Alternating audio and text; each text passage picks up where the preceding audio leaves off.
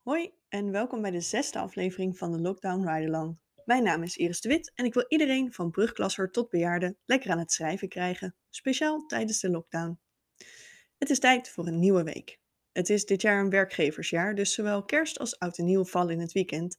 En ik merk nu dat het voor de podcast in ieder geval wel lekker uitkomt. Zo komen de werkdagen overeen met de podcastdagen en dat vind ik op de een of andere manier heel fijn.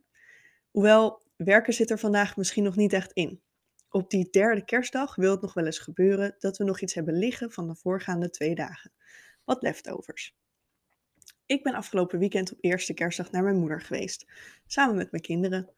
We hadden zo'n heerlijke klassieke kerstavond met een fijn diner, een paar cadeautjes en vooral heel veel gezelligheid. En in de auto naar huis zei mijn dochter zoiets moois. Ze zit inmiddels in groep 4 en de kinderen om haar heen die beginnen steeds wat vaker te plagen of soms zelfs een pesterijtje. En ja, ik zeg om haar heen, maar ze doet er zelf ook wel aan mee. Maar goed, dat hoort bij de leeftijd. Ehm, maar in de auto zei ze zoiets moois. Ze zei: Mama, ik vond het zo fijn. Ik hoefde de hele avond niemand te plagen en ik ben niet gemeen geweest. Ik kon gewoon lekker lachen en ik kreeg er allemaal fijne gevoelens van. En haar woorden raakten me best wel. Natuurlijk was het gewoon lief wat ze zei, maar volgens mij omschreef ze ook wat voor mij familie is. En dan maakt het niet zoveel uit of het je gekozen of je biologische familie is, maar dat is het soort familie wat ik graag wil. De mensen bij wie je zo veilig voelt dat je er gewoon fijne gevoelens van krijgt. Waar je lekker kunt eh, chillen in je kerstonesie. Um, mijn dochter en ik hadden er trouwens allebei eentje aan, alleen bij mij heet het dan een jumpsuit en bij haar gewoon nou ja, een pyjama. En wat maakt dat ook uit met kerst? En toen ik uh, eerste kerstdag s'avonds in bed lag, voelde ik me echt heel dankbaar voor alles wat ik gekregen heb binnen mijn familie. Ik weet ook dat niet voor iedereen familie zo voelt. Uh, want juist met kerst kunnen spanningen die binnen je familie aanwezig zijn wel zichtbaar worden. En ja, er zijn ook nog mensen die helemaal geen kerst kunnen vieren met familie. Omdat ze geen familie hebben of nou, omdat de hele boel op dit moment gewoon in quarantaine zit. Um, en uh, ja, ik genoot zelf van de eerste kerstdag. Een tweede kerstdag bracht ik mijn kinderen in de ochtend naar hun vader. En ja, toen had ik ook een beetje een momentje van eenzaamheid. Um, wat je toch misschien extra hebt met kerst als je dan alleen bent. En hun, hun lach hangt nog dan in de lucht van mijn huis, zeg maar, maar ze zijn er dan even niet. En ik troost me dan met de gedachte dat het leuk was met ze en dat ze bij hun vader ook een liefdevolle tweede kerstdag tegemoet gaan. Maar goed, een leftover dus. Uh, het heeft soms wat nare bijklank, terwijl ik het ook wel een heel grappig woord vind. Je hebt iets over en meestal kun je daar ook nog even van genieten. Uh, ik heb vaak leftovers in de koelkast van een week verkeerd ingeschatte boodschappen of natuurlijk een leftover van het kerstdiner. En het is iets om dankbaar voor te zijn, denk ik. En dankbaar zijn voor eten is iets waar ik vroeger heel uh, duidelijk twee boodschappen in heb meegekregen. Um, een van de, nou, misschien wel voordelen van het hebben van gescheiden ouders.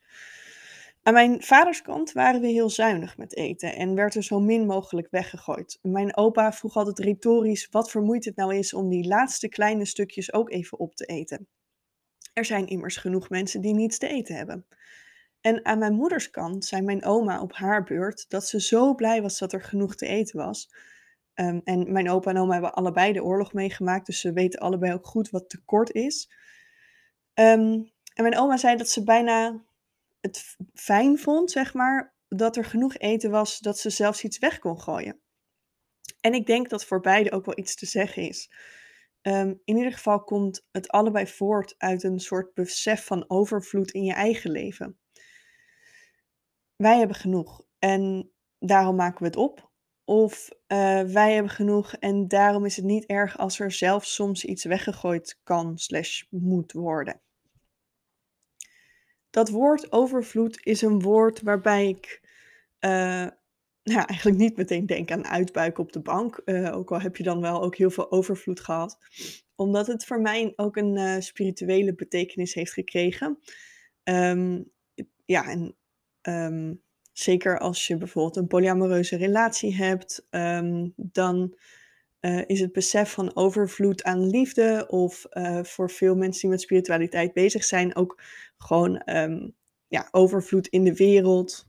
ehm, is best wel nastrevenswaardig. En ook als ondernemer vind ik het een prettig idee dat er in principe gewoon genoeg geld is en dat ik daar ook eh, onderdeel van uitmaak en daar ook nou ja, misschien niet super overvloedig, maar toch zeker wel gebruik van kan maken. En dat vind ik heel erg fijn. Uh, vandaag gaan we schrijven vanuit overvloed. En ik wil dat je daarvoor even denkt aan de mooie dingen die je over hebt van kerst. Mooie herinnering of echt een concreet ding. Um, en eh, straks ga je weer eerst je vijf minuten schrijven. Dus vijf minuten schrijven met je wekker, zodat je even alles kwijt bent. En daarna doe je deze oefening. je neemt dus iets gedachten van, in gedachten van de kerst. Um, in mijn geval zijn dat bijvoorbeeld de stoofpeertjes. Die waren er in overvloed, alleen uh, we zijn ze vergeten op tafel te zetten tijdens het eten. Wat stom is, want ik vind die echt heel lekker. En dan liggen ze nu nog in de koelkast uh, zonder de rest van het eten vergeten Um, en ik wil dat je inleeft in het ding dat je herinnert van de kerst. Uh, dus voor mij die stoofpeertjes. En bedenk dan hoe je je voelt. Um, de kerstbal die door de kat uit de boom is getikt.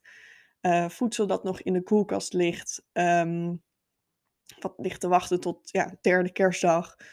Het kaartje in de pot, postkast, postzak wat pas na kerst uh, bezorgd gaat worden. Wat is het voor voorwerp? Wat is het voor ding? En hoe voelt het zich? En schrijf daarna een berichtje alsof je dat ding bent. Het hoeft niet lang te zijn. Een, regel of tien is er meer dan genoeg. Uh, vanuit het voorwerp dat je beschrijft. Dat is de oefening. Uh, veel plezier daarmee. Tot morgen. Dan gaat het over groei. Want nou ja, na veel eten volgt natuurlijk groei.